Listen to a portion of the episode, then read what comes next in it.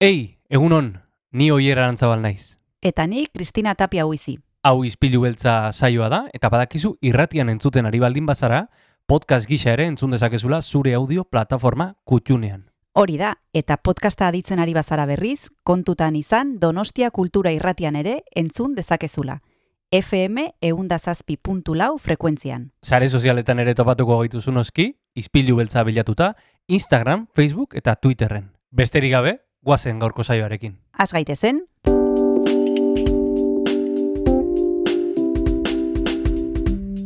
Ispilu beltza. Donostiako kulturaren berri, Oyer Arantzabal eta Kristina Tapia buizirekin. Egunon, bon dia, eh, bonzu, eta, eta inglesez eh, good morning, good morning, egu- egunon, good morning, hau izpilu beltza da, ostirala da, eta pozikatoz Donostia Kultura erretira.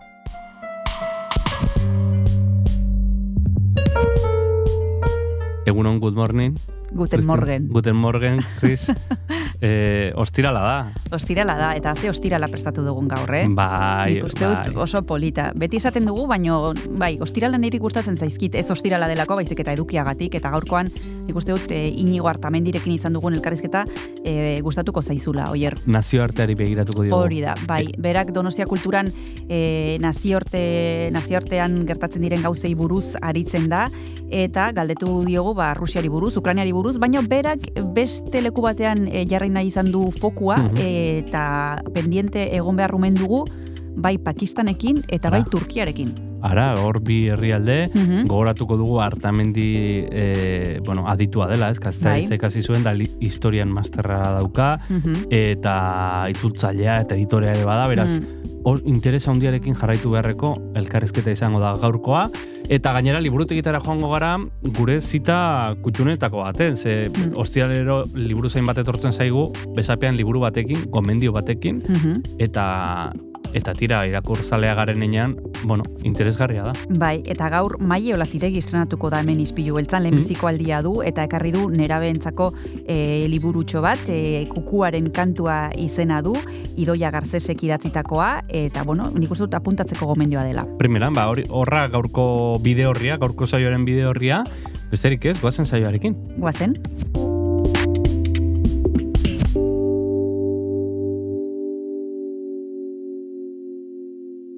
Kaixo entzule, zer modu zaudete? Tira ostirala iritsi da azkenean, eh? Astea maiera, eta gehien ontzat behintzat, eta tozen biegunak, eh, bueno, gozatzeko modukoak izango dira, eh? Naiz eta ez dugun aztu behar, egunero egunero lanean ere gozatzeko aukera dugula, eta hori, bueno, ba, perspektiba eta jarrera kontua besterik ez dela. Eta jarrera eta, bueno, ba, perspektiba horretan asko laguntzen duen kontua, niri behintzat asko laguntzen didana musika izaten da. Gaurkoan, e, bueno, ba, ostirala izanik, erritmo lasai, baina, baina bueno, biziak, e, alaiak izango ditugu, e, kasu honetan Fermin Muguruza irundarra izango dugulako protagonista, 2000 eta garren urtean e, plazaratu zuen Asthmatic Lion Sound Sistema, e, bueno, izen hori zuen bilduma, Eta kasu honetan, e, bueno, ba, laugarren kantua, ezin iesi Berlin, Berlini dedikatutako, Alemaniako hiriburuari dedikatutako kanta zoragarria, e, sound system e, generoan e, murgilduta, hause izango da beraz, e, gaurko aitzakia izpilu beltzari, hasiera emateko egunon.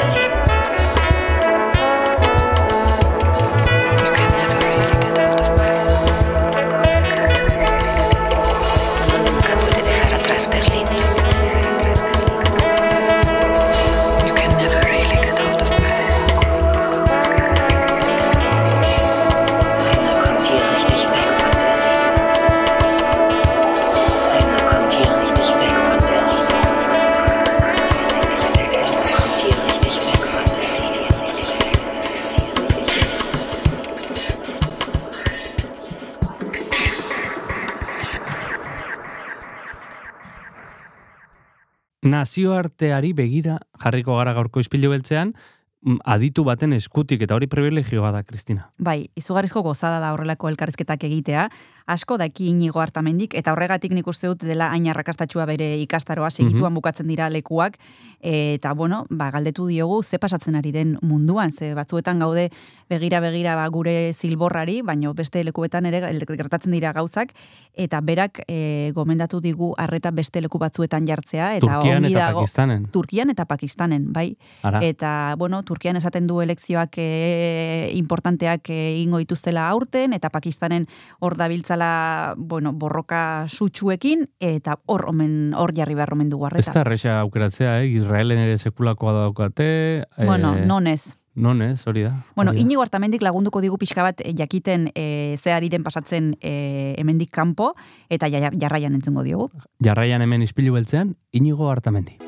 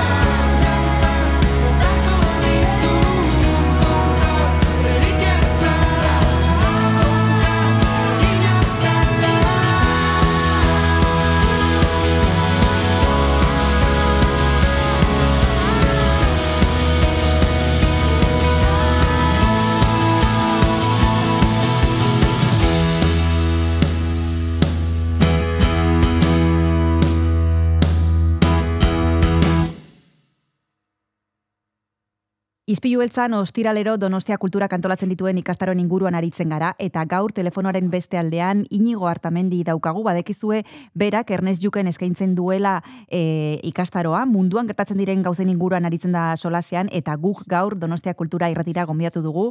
Egunon inigo zer zaude? Kaixo, oso pozik, hemen egoteaz. Bueno, aurrekoan egon ginen zurekin eta hainbat herrialde eta hainbat gaia aipatu genituen eta geroztik gauzak e, desente aldatu egin dira nazioartean. Ze okerez banago e, momentu hartan itzen genuen batez ere Afganistanen inguruan eta bueno, han e, geneutan geneukan jarrita fokua aurten e, bueno, beste leku batzuetara jarri gara begira.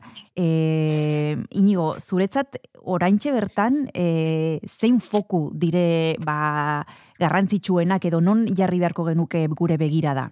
Bueno, egia esan dezu, mundu aldatu da erabat, ez apur bat erabat, ez? Mm. Bai, juntzen, azkenean hitz egin genunian beste mundu baten genden, ez? Mm. Nola bat esateko, eta, bueno, ba, e, bueno, eh, eh, ezin daiteke ukatu Ukrania dela ba, munduaren ardatz berria, ez? Eta Mhm. hor eh, berriro ematen dugu batzuetan berro eta mar urte atzera egin gendula berriro garela ari garela bizi garela ba, gerra hotzaren azkenengo urteetan Mhm. baina nik eh, hasi naiz bueno saiatu naiz beti eh, kursuan mm, eh, azalean ez dagoen ari buruz hitz egiten ez eh, portadetan agertzen ez diren herrialde herrialdei buruz hitz egiten eta horren inguruan precisamente juntzen hastian hasi nintzen hitz egiten saiatu nintzen jendea izaten eh, badauzela beste puntu interesgarriak datorren hilabeteretarako eta netzako bidiraz e, gehien bat. Mhm.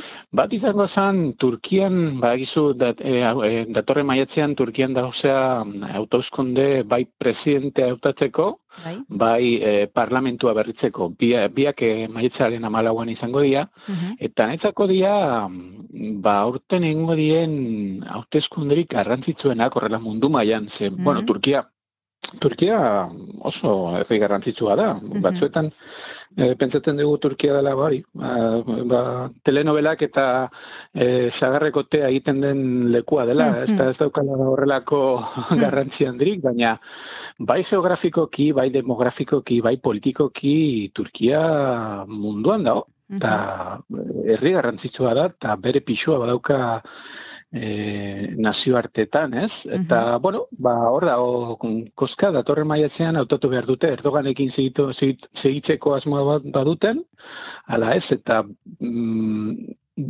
hogei urtetan, lehenengo aldiz, ez dago hain garbi Erdoganek e, irabaztiko dun, edo garbi irabaziko dun, al izango dun bera presidente eta parlamentu e, ald, parlamentu aldi berian e, e, izatia, edo bera presidente atrako den, baina parlamentua kontra izango duen, Hmm. edo alderantziz. Hmm. Hor, e, hauteskunde interesgarri bat dator. Hor- Mhm. Hori buruz egin genuen, adibidez azkenengo astean, eta gero beste foku interesgarriatzako Pakistanen dago, be bai.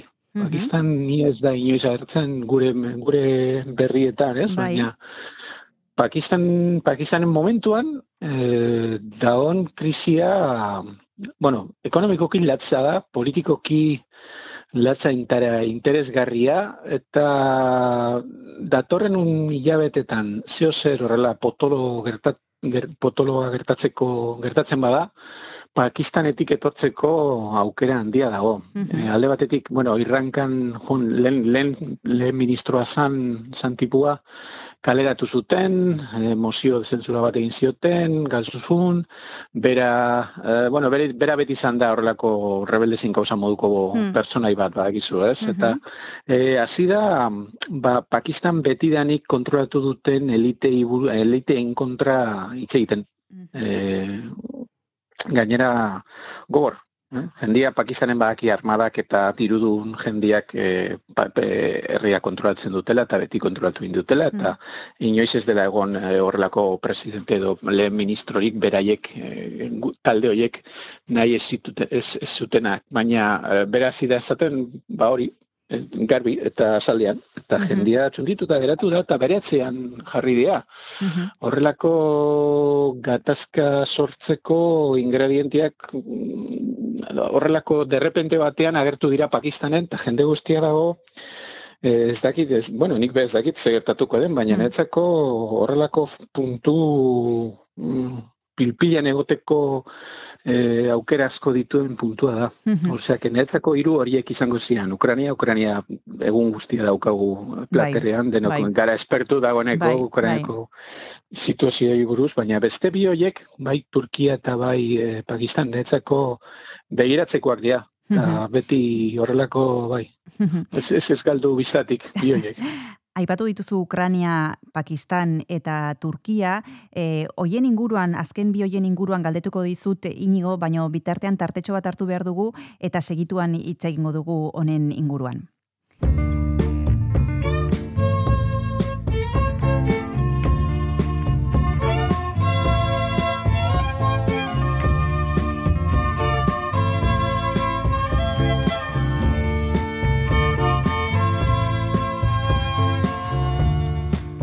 Jesus, don't cry.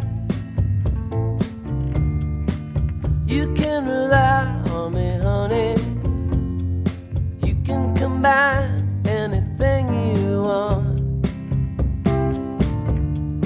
I'll be around. You were right about the stars. Each one is a setting sun. Tall buildings shake, voices escape, singing sad, sad songs. Tuned to chords strung down your cheeks, bitter melodies, turning your orbit around. Don't cry. You can rely on me, honey. You can come by anytime you I'll be around. You right about the stars. Each one is a setting sun. Tall buildings shake, voices escape, singing sad, sad songs. Tuned to chords strung down your cheeks, bitter melodies, turning your orbit around. Voices whine, skyscrapers are scraping together. Your voice is smoking, and last cigarettes are all you can get, turning your orbit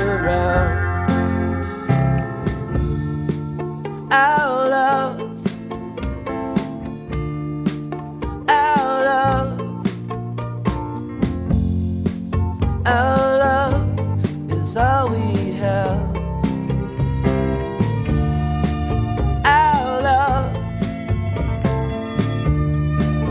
our love is all of God's money.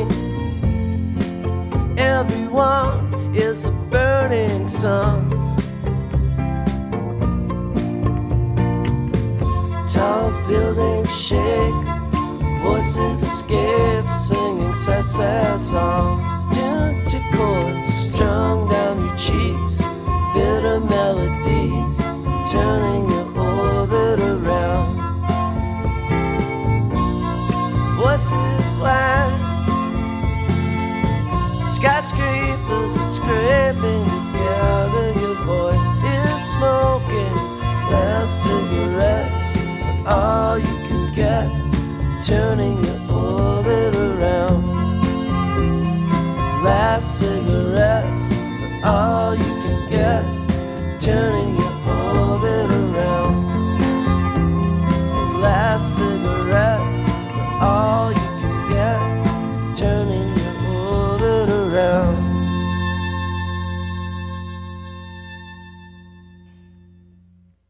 Artamendi aditua daukagu gaur gurekin Donostia Kultura irratian, badekizue berak Donostia Kultura kantolatzen dituen ikastaroetan parte hartzen duela, nazioarteko e, gaien inguruan eta herrialdeen inguruan aritzen da Ernest Juken, eta justo tartetxo hartu baino lehen aipatu dizkigu hiru foko interesgarri bata Ukrania, eta hori komunikabidetan azken e, boladan ba, zoritxarrez egunero ikusten ditugu albisteak, e, baina beste bi aipatu ditu ez direnak hainbeste agertzen, Turkia eta Pakistan, e, agian e, inigo e, Ukraniarekin ikasi dugu urruti gertatzen diren gauzak e, gure egunerokoan eragina dutela. Eta aliteke Turkiarekin eta Pakistanekin gauza bera gertatzea. Han gertatzen dena eragina izango du e, gure eguneroko bizimoduan. Zergatik jarri behar dugu fokua bi, bi puntu hoietan Ukraniak gure bizitza aldatu du mo- einean ez etuzte. Hmm. Oindik urruti da bez, oi Hmm. da, bet, be, urruti, urruti, urrutitasun bat badaukate Bai. gure eguneroko bizitzari e, buruz baina. E, e, interesgarri egitea zen Turkia da, e, bueno, hauteskundean ateratzen den emaitzaren ondoren, ikusiko dugu ze gertatzen den Turkiakin, ez da katastrofe bat etorriko, baina eh, esan dudana, eh, Turkia mm, ez da guain urruti, eta Turkiak eh, Erdoganekin segitzen badu adibidez, Bai. ba, bere oin daunkan martza segituko du. Bai eh, barrutikan ba hori daukan deriba autoritario horrekin, Mhm. baina adibidez, baina alde berean eh, kanpora beiratuta, Ukrainiako gerrarekin erlazionatuta, eh, ikusi dezakegu, ba, Erdogan eh, erabakitzen dula, ba, eh, eh, papel garrantzitsuago bat Bai. jokatzeko aukera duela. Bai. Eh, hauteskunduak, eh, irabazten, irabazten baditu eh, garbi, ba, berak be, sendoago ikusiko du bere burua, eta Erdoganei gustatzen zaio eh, berrietan ateratzea, horrelako mediadore potente bat moduko, moduko itxurakin. Eta Pakistan, Pakistan nertzako arriskutsuagoa da. Pakistan berreun mila, eh, berreun milion persona dira, han bizitzan. Eh, Ez da, herri eh, aberatza, eh, sekulako pobrezi arazo dauka, eh, junzen urteko uolden eh, zera, ondorioak oindik eh, sendatu gabe dauzkana, oin terremoto bat izan dute, en fin, ze- gizarte mailan jendeak, eguneko jende, eguneko bizitzak, jendearen eguneko bizitzan kondizioak ez dira bat ere, ez dira bate errazak, Mhm. pobrezia handitu egin da zeharo, azkeneko, ba, bai, amar, amabi hilabetetan, ba, gizute, e, e, zera, munduko ez, fondo, inter, fondo monetario inter, internazionaleko jendia behan dikan daola, e, laguntza programa bat sartzeko nahian, ea kondizioak adosten dituzten, Mhm. ekonomikoki her- herria dago, e, zera, situazio oso bai latzean. Hmm, hmm. Eh, orduan, berreo milioi persona, eh, arma nuklearrak ditun herri baten, derrepentian, krisi, sekulako krisi politiko existenzial bat at, eh, ateratze, sortzen bada, eh, kamen, bueno, saiatu idea, azkenengo, i- azkenengo berri izan da, eh, ba, dagoen gobernua saiatu da inrankan atxiloten. Mhm. Eh, denok, eh, Pa- Pakistanen denok ulertu dute hori dela eh, zera, beren jokaldia eh, eh, inrankan datorren datozen hauteskundeetara presentatzeko aukera ez izateko. Mhm. Ze, zuk, eh, bueno, eh, ba, beren, beren plana hori izan, eh, tipua atxilotu, eh, epaitegira sartu, ez, ez dakit ze kargu zeukan bere kontra, baina, bueno, nahiko, nahiko faltsuak ematen zituzte, ematen zuten, Hmm. Horrela kanpotik ikusita, eh, maniobra politika bat da, eta tipua, ba hori, epaitegietan ba, sartuta dagoenean, ba, bera, el, Pakistan,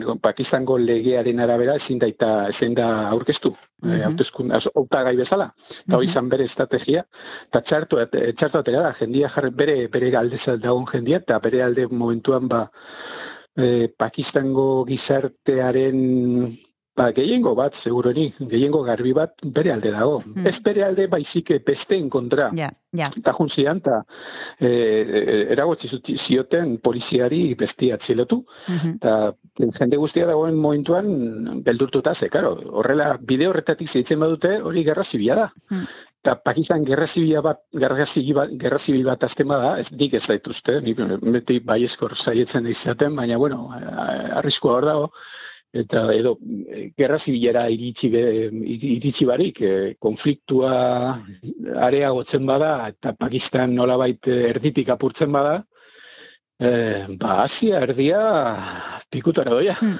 Berreun milioi persona, arma nuklearrak, Txina behor dago Bai. bai. ze atea ezaken, eh, Bai. Amerikanoak, bueno, Amerikoak nahiko daukate beste hainbaldekuetan, horrelako, bai, krisi potentea izan daiteke. Hori Ai. guri ze, ze, no, ze modutan eh, irizi gai ezake?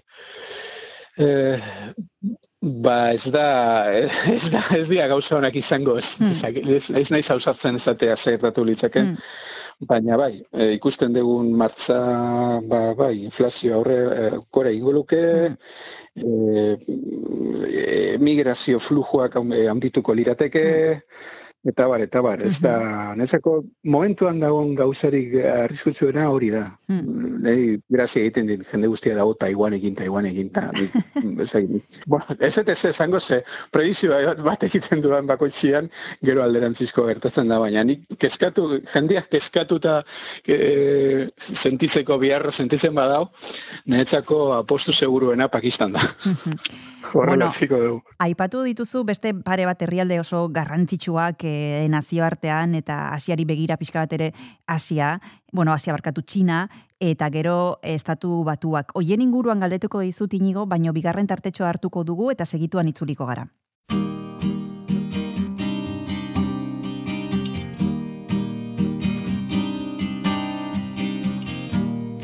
You and I,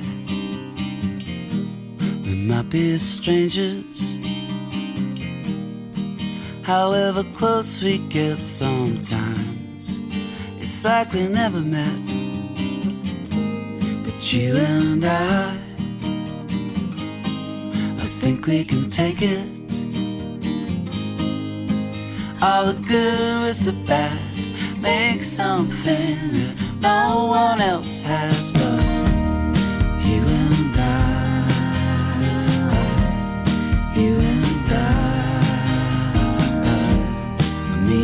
you. What can we do? Well, the words we use sometimes are misconstrued. Well, I won't guess what's coming next. I can't ever tell you the deepest well I've ever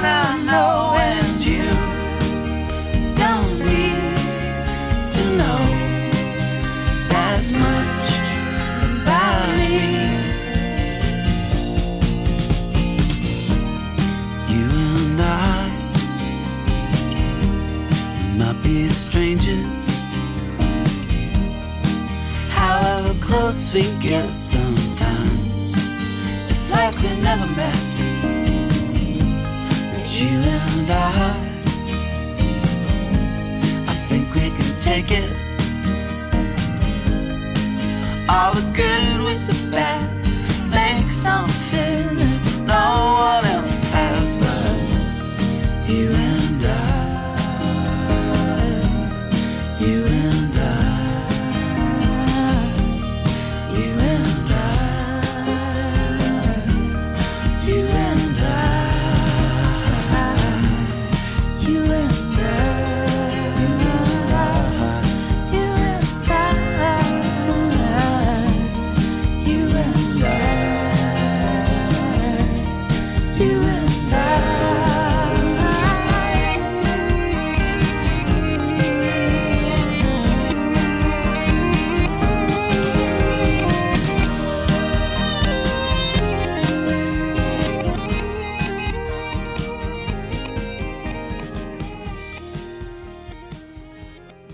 Donostia kultura irratian jarraitzen duzu, entzule eta gaur nazioarteko gaiein inguruan ari gara hemen izpilu beltzan, eta horretarako gonbidatu dugu inigo hartamenti, badekizue berak ikastaroat eskaintzen duena Donostia kulturan, Ernest Juken egoten da txintxo-txintxo astero-astero e, pixka bat, argi pixka bat e, ematen, aipatu ditugu Ukrania, Turkia eta Pakistan, eta azkeneko zatian, atera dira konversazioan, Txina eta estatu batuak inigo. E, hor, hasieran ere aipatu duzu gerra hotza.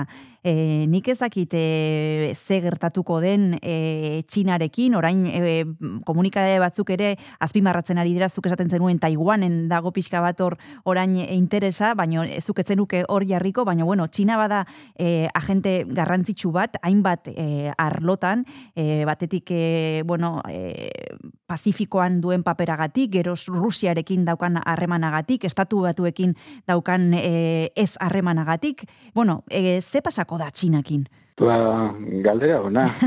Txina momentua, bai, txino, bai, ez munduan dagoen galderari garrantzitsuena edo bigarren, bigarren garrantzitsuena, ez?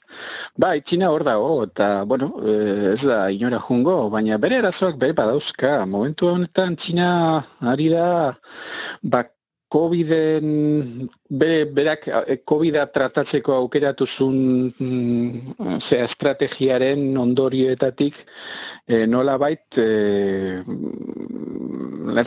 errekuperatzen, ez?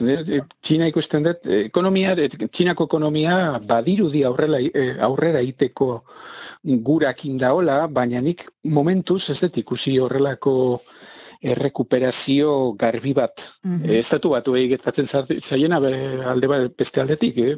hemen gabez gabe guztiak eh, itxaroten ea ekonomia nor, nor, norantza, noraino doian edo norantz, eh, nora, norantza azten da muitzen, eta horren eta horren ondoren ba, ikusi, eh, ikusi daiteke ze egin daiteken eh, zera, nazioarteko mailan, ze azken finean, eh, dauzk, munduan dauzkagun bi mm, superpotentziak, izan Txina eta Estatu Batuak izango zienak, momentuan eh, arazo, barneko arazo ez latzak, baina importantiak badauzkate, Bai. eta lehenengo beren etziak garbitu egin behar dituzte, e, txukundu, ikusi, ea, bo, Xi Jinping adiez, ba, bere poterea, konfi, e, zera, bere, bere poterea ea, e, konfirmatuta dagoen, jendiak e, onartzen duen, eh? Bere hirugarren mandatu hau, eta, eta bar.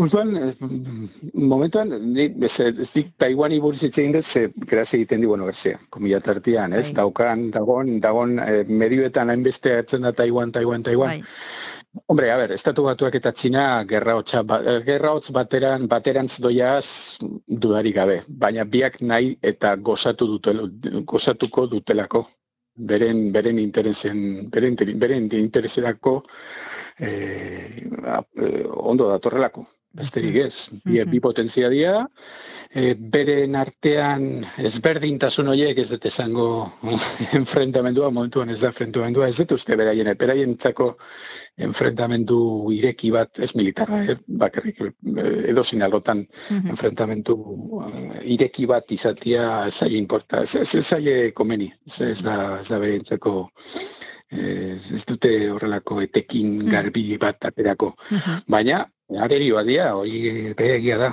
Eta bientzako beraien barneko beharrentzako ondo datorkielako arerioak dira. Eta joku horretan segiko, segiko dutela, nik uste.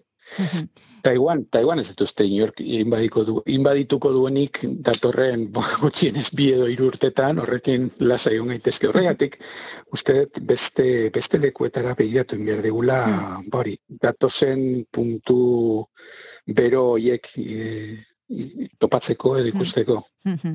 Aipatu ditugu inigo hainbat puntu, nik ezakit Europak badun paperik hemen, edo geroz eta txikiagoa den, edo, edo ez, ez, da, ez dagon e, guretzako lekurik, eta gero beste leku oso e, garrantzitsu ere mm, daude hor e, munduan, eta batetik Afrika da, eta bestetik Ego Amerika. E, ze tokatzen zaigu, ze tokatzen zaie bakoitzari, badu, badugu e, tarterik edo badugu garrantzirik pixurik e, nazioartean? Ez.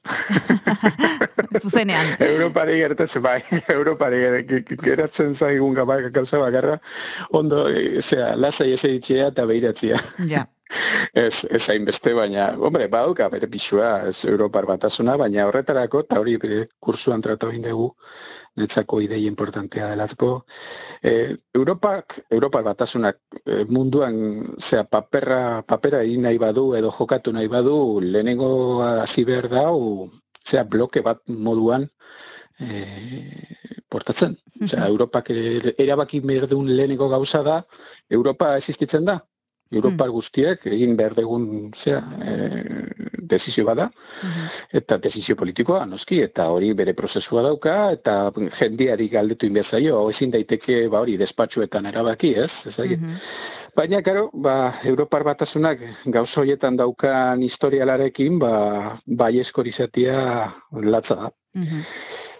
Hori konpondu ezkeo, bai, Europak munduan bere papera joka litzake, eta paper positibo bat izan litzake, niretzako, eh? niretzako Mhm. Europa, Europar batasuna, mm, dauzkan arazoa konpondu ezkero, beti, nik beti izan dut, e, zera, indar positibo bezala, Mhm. ez beste munduan daudenen bez, ez besteen beste ez, ez, eh, ez, baina bai, momentuan nik ez naiz bai oso bai eskor. Segigo gera, ba hori, Ukrainari apoiatzen, estatu batuen atzian joten, bera, beraiek doa jazen lekuetara, ba gu be- jungo gea, baina bai, Europar batasunak bere bere txiatxukuntzen ez badau leno, eta mm, erabaki garrantzitsuak hartu, esan dudanez, bai, bai politik, politika mailan bai kale, kale mailan, ba, ba ez, ez, ez dauka, esan dudana, ez dauka, ez dauka paperik. Baina, bueno, eta hor beste, hainbeste gai badabez, ez? E, mendebaldeko Europako herri, herri, herri eta ekialdeko Europako herrien artean dagozen ezberdintasun politikoak, sozialak, ekonomikoak, eta bar, eta bar, eta bar. Ez da horrelako nik, nik e, zera, azkar asko etxegin, e, e, erantzun dizut, baina kuestioa ez da batere, batere erraza. Orduan, a- Europaz, a, bai, Europaz astu genezake, baina eta, bueno, ez beste bi, eh, aipatu dituzun beste Bai. biak, ez Afrika eta Ego eta Ego Amerika, ba, betikoa. Dia beste potentzien jolaslekua. Eta paper hori aldatzeko aukerarik mm, berriro horrelako, osea, denbora motzean nik ez dut ikusten. Zeigu de, ba hori, zaten besteen jolaslekua. Tamales, baina. Bueno, hauek dira em, klabe batzuk edo printza batzuk, e, ze hemen ez dugu denbora gehiago inigo hartamendirekin hitz egiteko, baina nahi izan ezkero ikastaroa eskaintzen du, eta gainera esan behar dut e, oso azkar bukatzen direla ikastaro ontako lekuak, beraz datorren ikasturterako nahi izan ez gero adibili, e, noiz ateratzen diren e, e, kurtsoak, ze, bueno, e, oso, oso azkar bukatzen dira tokiak, e, inigo hartamendik aipatu dizkigu hemen klabeak, eta gehiago jakin nahi izan ez gero, donostiakultura.eusen informazio gehiago daukazue e, berarekin ikasteko gehiago. Eskerrik asko inigo izpilu beltzara gonbidatzeagatik eta bezarkada bat urrengor arte. Zuei, agur bai.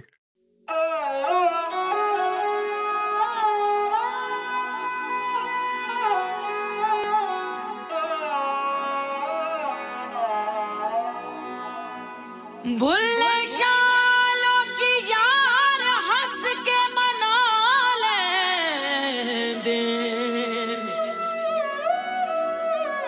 साडा रोना भी ना मंजूर होया। रंग बिखरे चार सौ जैसे कोई बादे सबा। मन मस्त झूमे इस कदर जैसे हो छाई एक घटा। मौला तेरिया ऊंचिया शाना मौला तेरिया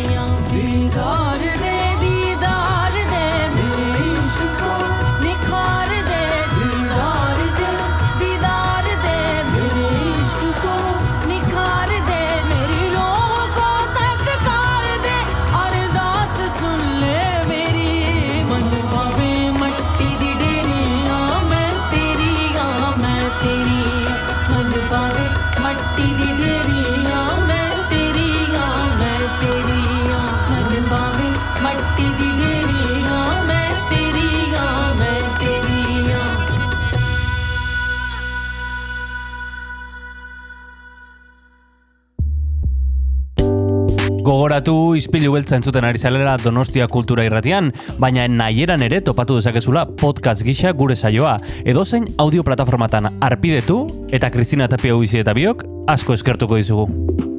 Orain jarrai dezala saioak.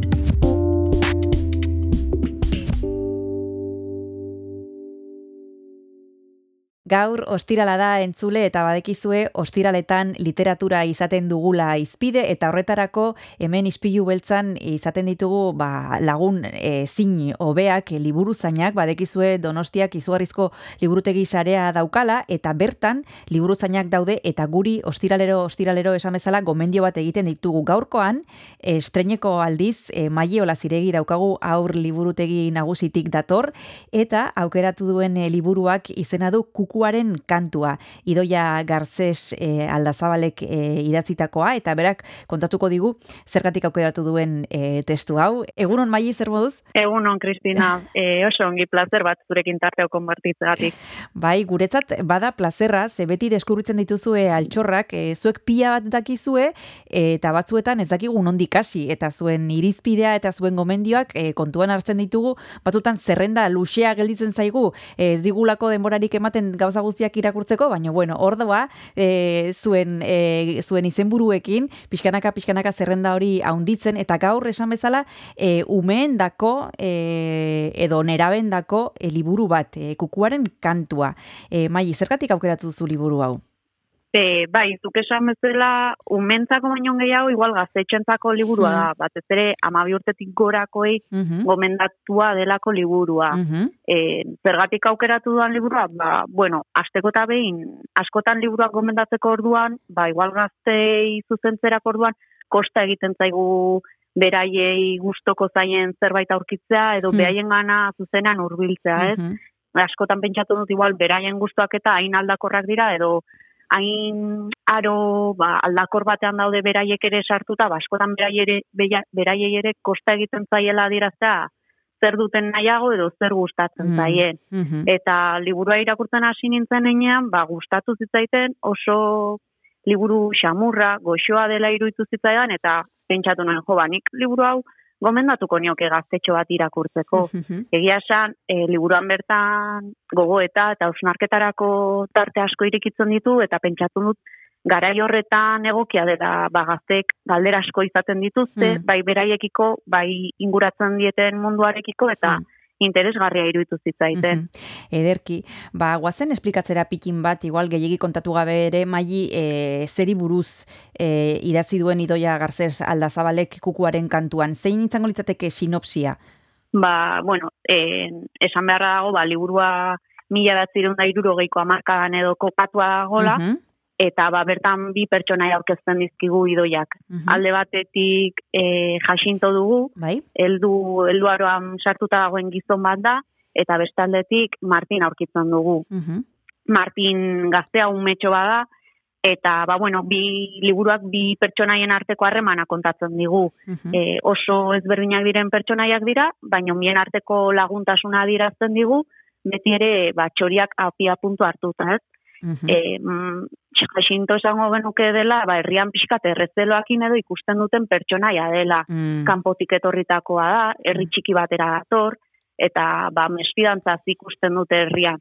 Eta nik uste dut, ba, Martinek, ba, mesfidantza, eta beti, ba, jaxintoren entzuten ditunak entzun eta gero, ba, berarekiko gertutasuna edo sentitzen dula, edo bintzat kuriositatea.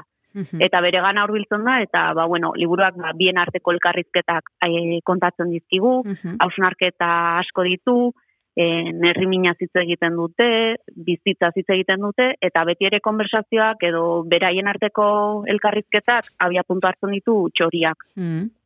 Ba, hau da Maili Olazabalek aukeratu duen liburua, badekizu hemen Maili naiz eta berria izan, e, tartetxoak egiteko musika jartzen dugula eta kasu hontan zuri tokatzen zaizu aukeratzea abesti bat eta entzulekin partekatu. Zein da pentsatu duzun izenburua? Bueno, ba, egia esan, e, naukeratu duan kantua, e, Michel Labegeriren, bueno, ez ondo esan baina berea den xorieri mintzozen kantua Erramu Martikorenaren bertsioan. Mhm. Izan ere, ba, liburua irakurtzen hasi nintzenean, e, behin eta berriro etortzen zitzaidan ba, nere barrutara melankolia eta nostalgia bezalako Mm. sentimenduak. Eta egia da, kantu hori entzuten dudan bakoitzan, sentimendu horiek etortzen zaizkidala, eta esan un, jo, ba, egia esan jan, e, jaxinto pertsonaiak, ba, asko gogora, gogorarazten zidan, kantuan deskribatzen duen pertsona, eta nik Mm. uste antzekotasun asko izan ditzaketela. Ederki, bagoazen entzutera.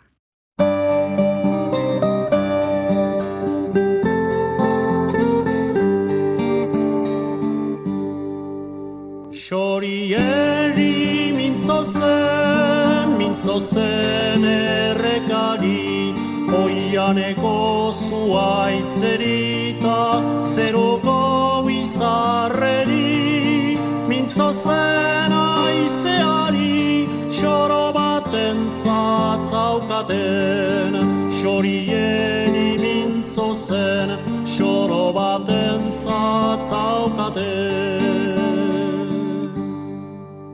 Ezakien irakurtzen gizonen liburutan, baina ongi bazakien zeruko seinaletan, zeruko seinaletan, ta jenden bihotzetan.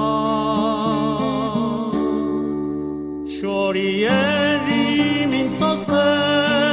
zen, mintzo zen errekari, oianeko zuaitzerita, zeruko bizarreri, mintzo zen aizeari, xoro baten zatzaukaten, xorieri mintzo zen, xoro baten zatzaukaten.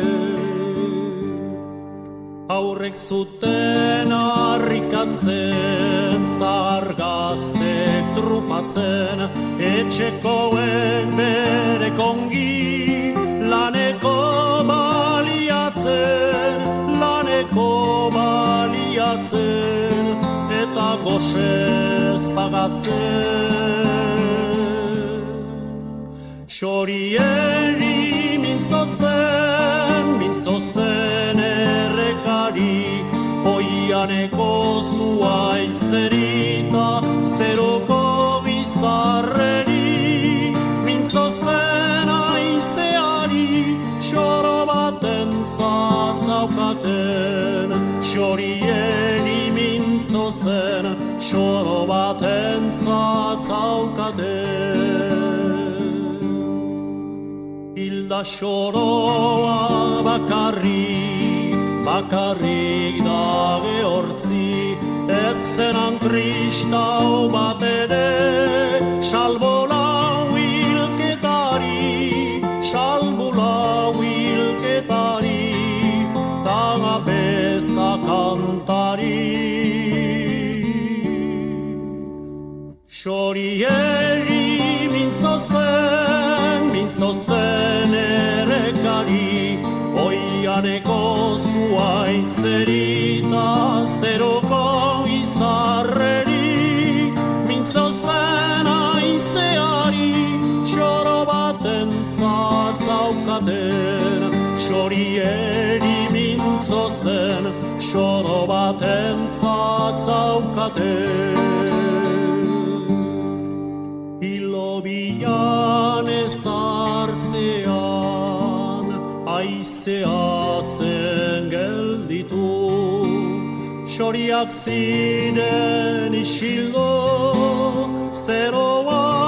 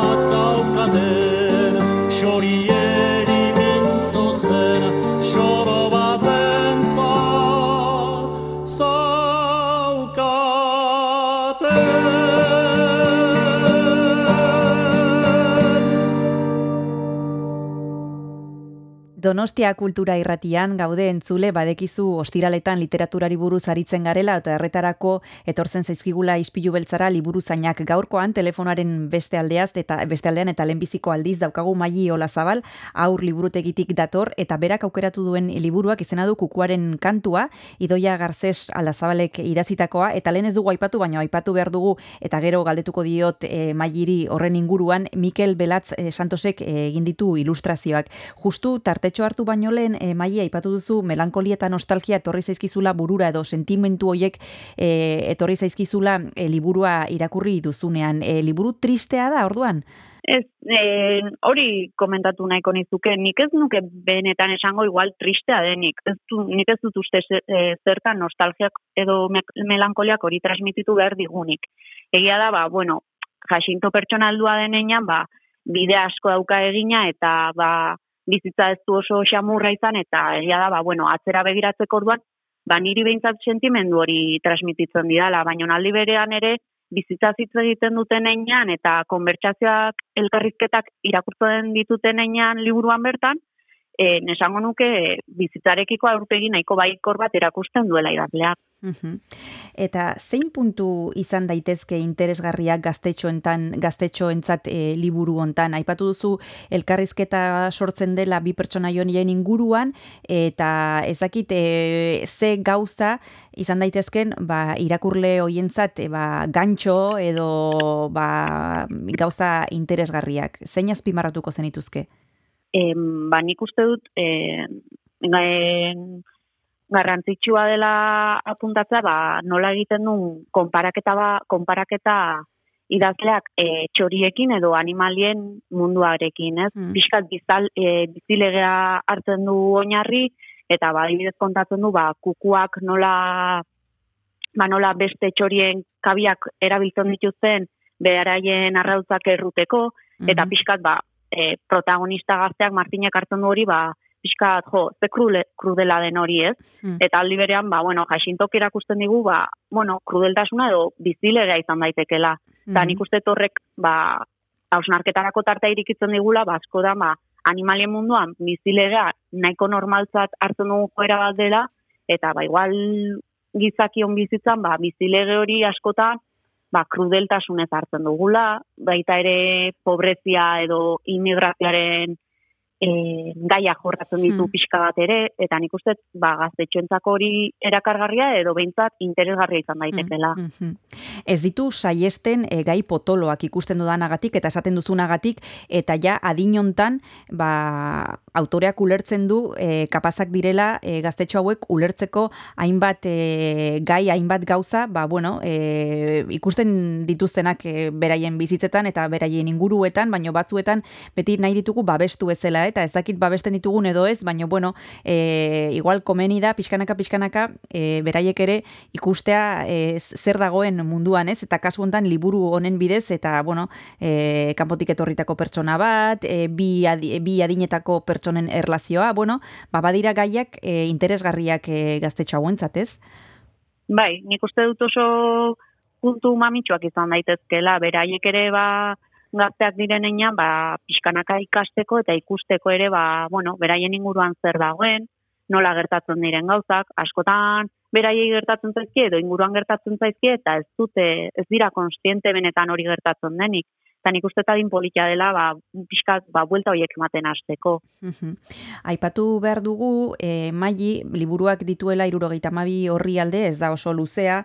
Estilo aldetik, e, bueno, e, ze hitz mota erabiltzen ditu, zailak, erresak, esaldi luzeak, esaldi motzak, e, erresa egingo zaie, edo pixka bat, bueno, behar du kontzentrazioa e, eta eta arreta gure aldetik.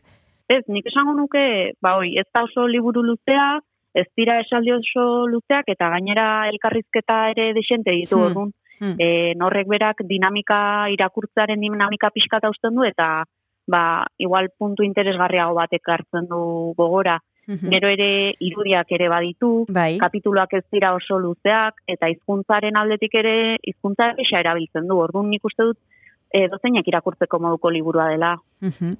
Aipatu ditugu irudiak eta horren inguruan hitz egingo dugu justu oraintxe bertan, baino bigarren tartetxoa, bigarren deskantsua hartu behar dugu eta bigarren abesti bat eskatu behar dizut. Mai, ze pentsatu duzu tartentarako?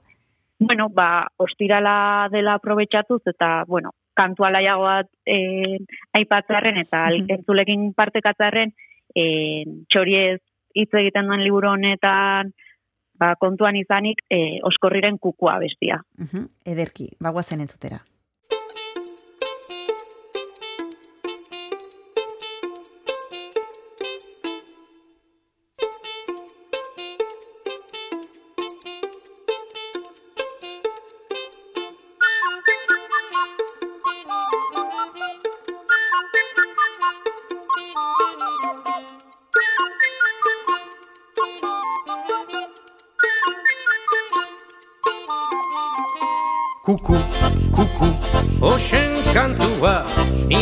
Kukua adidene kuku, kuku, kuku, oxen kantua, ni naiz kukua adidene kuku, kuku, kuku, kabi guztiak, dira nereak kasu hemen kuku, kuku, kuku, kabi guztiak, dira nereak kasu hemen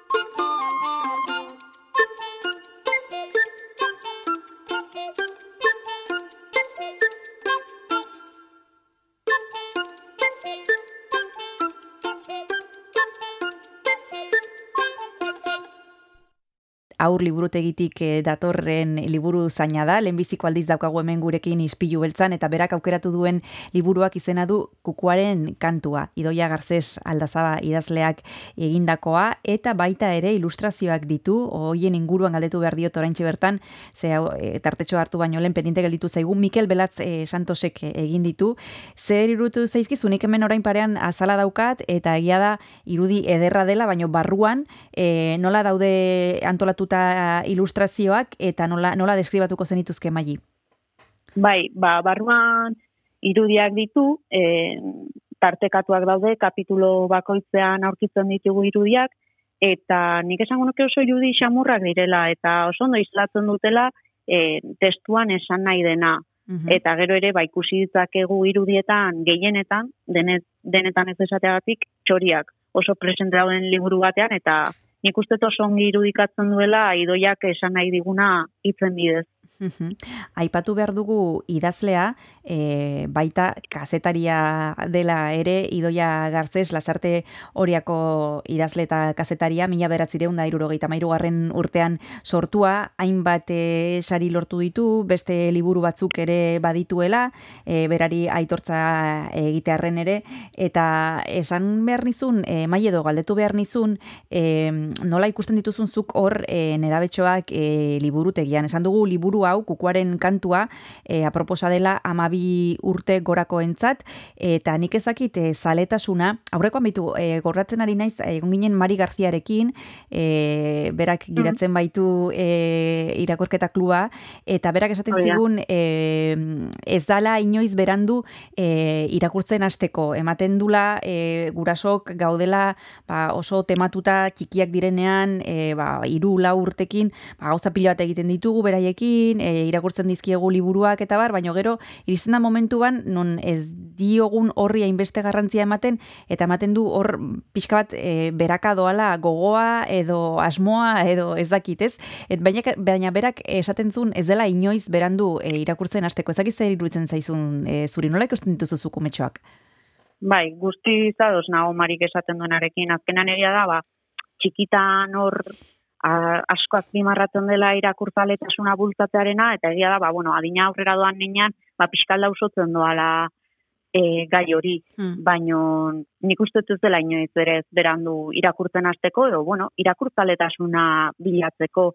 Azkenean, gauzo garrantzitsua da ere, norberak, ba, gustatzen zaiona aurkitzea, ez? Mm. Gaur bertan, ba, podcast bat entzuten ari nintzen, eta esaten zuen batek, ba, e, beak irakurtzaletasuna deskubritu zuela, irakasle batek autore bat gomendatu ziolako, eta esaten zuen, agian irakasle horrek ez balirake gomendatuko autore hori, agian ez litzaiake irakurtza guz, hainbeste gustatuko, ez?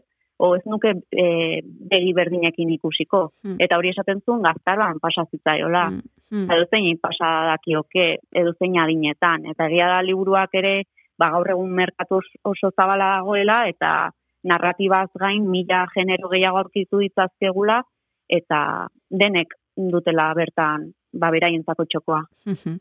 Gaur egun e, gehien bat ze liburu hartzen dituzte e, aipatu dugu narratiba, baina esan duzu oraintxe bertan beste e, genero pila daudela eta nik ez dakit e, genero hoietan erosogo dauden gaur egungo e, nerabeak, e, novela grafikoak, e, bueno, hainbat eta hainbat e, gauza, e, lehen e, nere garaian behintzat e, ez genuen hainbeste aukerarik gaur egun bada, eta nik ez dakit gaur liburutegietan e, adinontako e, gaztetxoak amabi, amalau e, urtekoek ze, ze- liburu hartzen dituzte, gehien bat. Bai, nik uste, e, zuk lehenengo komentatu dezun hori, e, novela grafikoa edo komikiak, nik uste gaztek orain, ba, igual agian modan jarri da berriro, Hmm.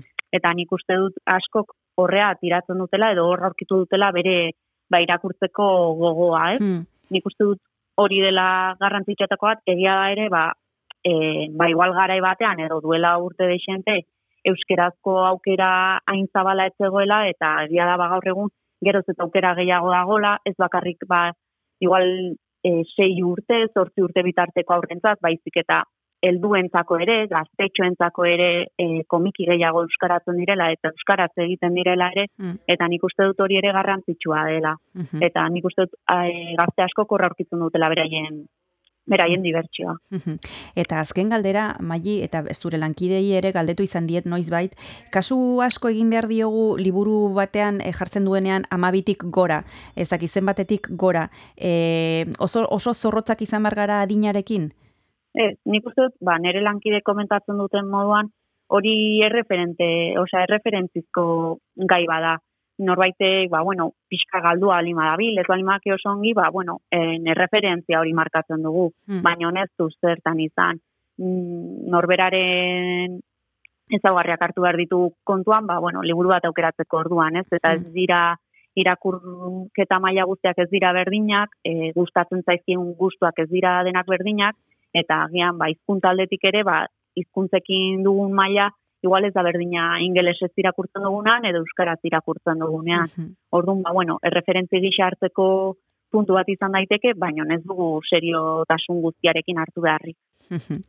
bueno, ba, hemen e, gaurkoan, Maili Olazabalen proposamena, kan, kukuaren kantua, Idoia Garzez Aldazabalek idatzitakoa eta Mikel Belatze Santosek e, ilustratuta, elkarren dago, baita ere Donostiako liburutegietan, irurogeita mabi horri alde ditu, beraz, e, proposamen egokia e, Mailek aipatu duen bezala, amabi urte e, ba, inguru hortan e, dabiltzan irakurlearentzat aproposa. Eskerrik asko, Maili izpilu beltzara urbiltzeagatik eta hurrengor arte. Besarka da bat. Bai, eskerrik asko zuri. Agur. Agur.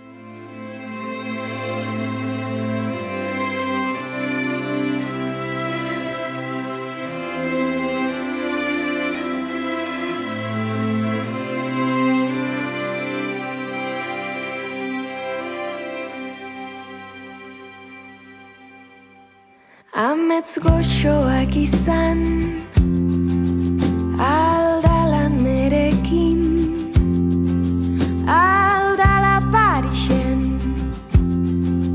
Soinek ordin batekin Zukitz egin bizitzaz. Zure azta nireaz Iru ordu joan dira. Zure eskuei begira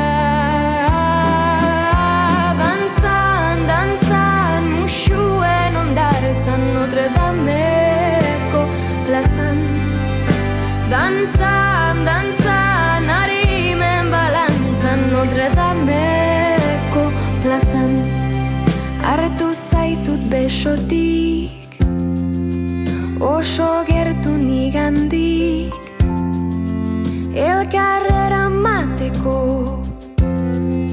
Ibai aldamenetik. Akaso ez dizut esan Maite dudala bizitzak Zure begietan Egiten duen isla. Dantzan, dantzan, musuen ondartzan Notre Dameko plazan. Dantzan, dantzan, harimen balantzan Notre Dameko plazan. Galdetu esan ez geratu zalantzan Zenbat maite zaitudan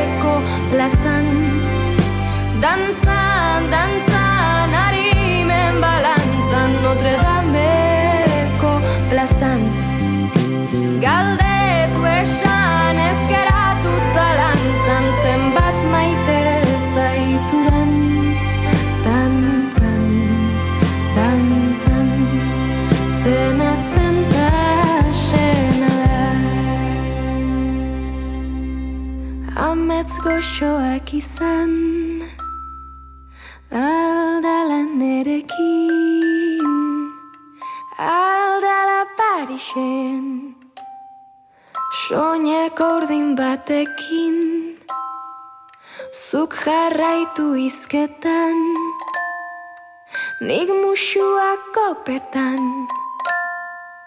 Zer egongo tezaren Zu amesten benetan Amaitu dugu ostirala, amaitu dugu aprilaren hogeita bata, eta asteburuari begira jarriko gara, astelenean itzultzeko, asteburuan deskantxoa opa dizugu, entzule, eta guk ere, gu ere saiatuko gara nola baitere deskantxatzen. Astelena, Mikel Iturria, etorriko da agendarekin, Bai, Mikel Iturria etortzen da agendarekin eta musika derrarekin. beti. Beti, beti Bai. asmatzen du gainera. Oso Bai. aukerak eta onak egiten ditu, eta gainera izango dugu gurekin, EHUko irakaslea den Maite Luengo, e, berak aurkeztuko baitu Santelmon, oiua gorputza kantzesle izena duen ekimena, lehenbiziko antzerkia eta gero mainguru bat, oso gauza interesgarriak, generoa eta artea jorratzen ditu berak, hori astelenan izango da, oier. Hori dena astelenean gogoratuko dizugu ja maikaldiz entzuna izango duzun arren astelenetik ostialera ispilu beltza entzun gai duzula Donostia Kultura Erratian, goizero eguerditan eta gauetan eta nahieran, nahi duzunean, nahi duzunarekin, nahi duzun lekutik podcast gixara entzun dezakezula audio plataformetan, Spotify, Google Podcast, Apple Podcast edo zudur.an jartzen zaizun lekuan. Bertan ispilu beltza topatu eta bilatu eta aurkituko gaituzu. Besterik ez? Asteburuan. Asteburuan eta astelenera arte. Agur. Agur.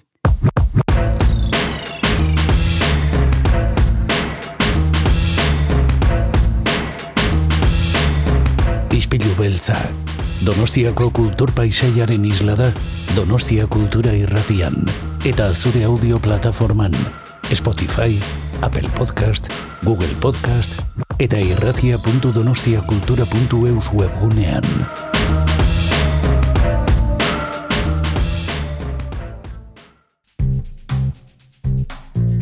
Kanta katilua.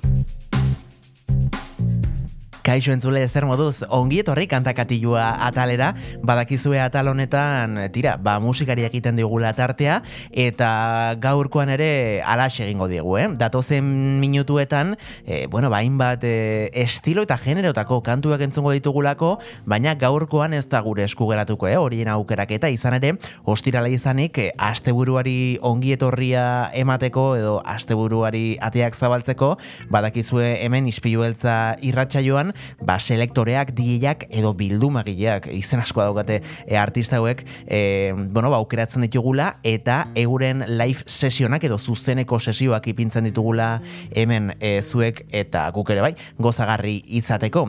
Gaurkoan e, kasu honetan, e, bueno, ba, kopenagetarrak diren Elis eta Akbar e, izango ditugu protagonista, eurek Mokomizik Records, e, bueno, bikotea osatzen dute, eta gaurko atalean, gaurko live sesion honetan, ba, Londresera egin berri duten e, bidaia batean, ekarri dituzten berrogeita bost. E, vinilo originalen, e, bueno, ba, aukerak eta bat e, ipiniko dizkigute, bueno, ipiniko digute bikoteak, e, irurogeita marreko amarkadako karibeko diskorik, e, bueno, ba, gogokoenetarikoak, e, euren zanoski, soul eta funk estiloetan e, mugituta. Beraz, gehiago luzatu gabe, Elise eta Akbar bikotearekin mokomizik rekords bikotearekin utziko zaituztet eta badakizue, gozatu asteburua ate joka dugu eta.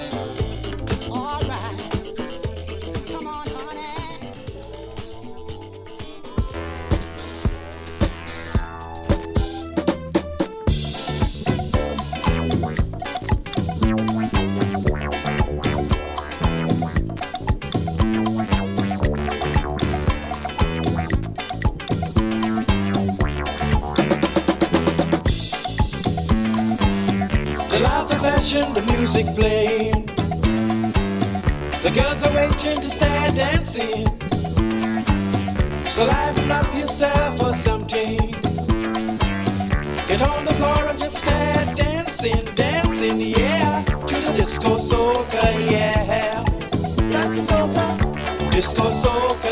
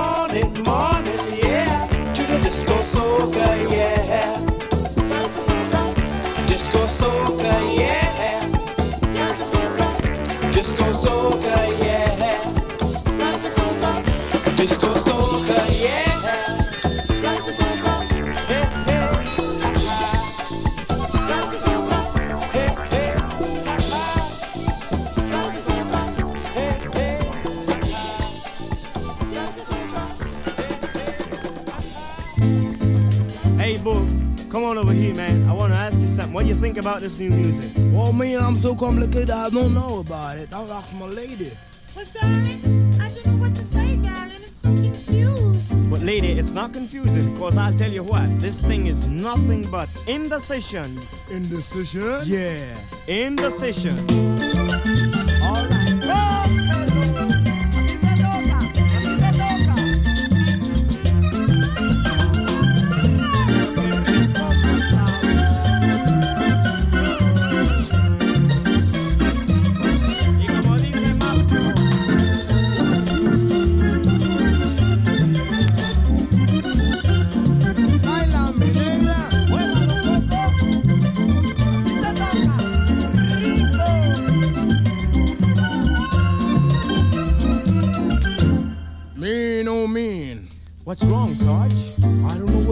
What to say about this. It sounds very curious. Well, I'll tell you, the Beaches are certainly doing their most here now.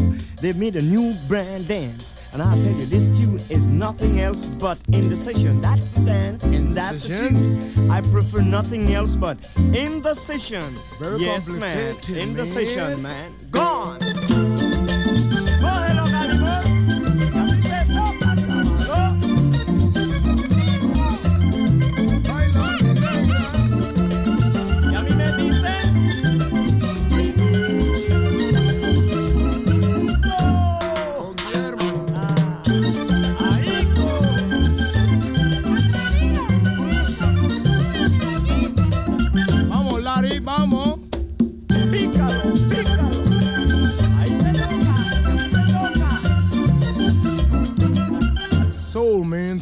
Toca, Soul, soul, soul. Well, I tell you, Sarge, this thing has me all mixed up, man. I also, man, this is not fro. But I'll tell you something. I prefer nothing else but. Hey, darling, is this jazz? No, baby, it's not jazz. This is an afro. But I'll tell you, I prefer no other music but this thing that Gallimore is doing right now. Listen to This This is indecision, baby. And Gallimore is doing it. He knows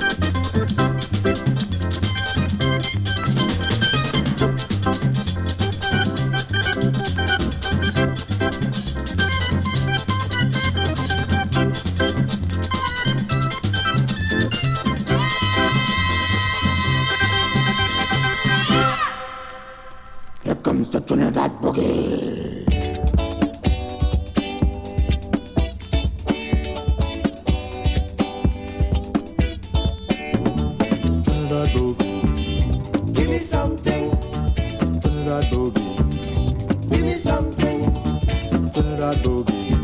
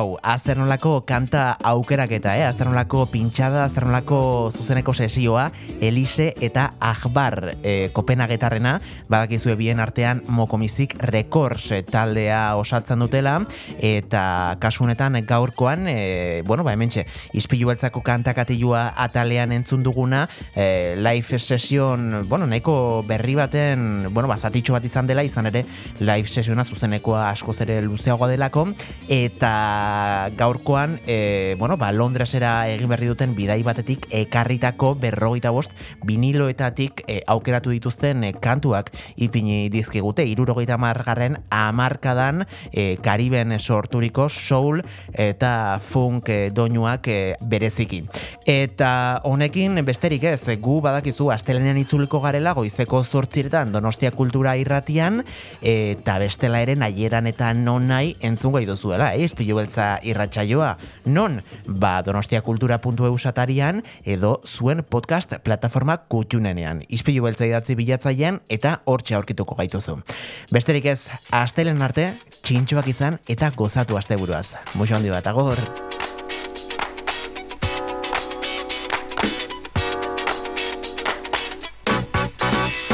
Baby, let's go. The party's getting crazy.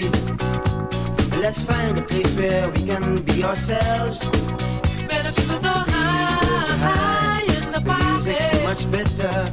Let's get on away before the party's over. Oh, oh, oh, Step right up. The party. Step right up. Get on down. Get on down. Step right up. The party. Step right up. The party's right. The party's tight. The party's so high. Ispilu beltza podcasta entzungai duzu irratia.donostiakultura.eus webgunean, Spotifyn, Apple Podcasten, Google Podcasten edo zure audio plataforma kutxunenean.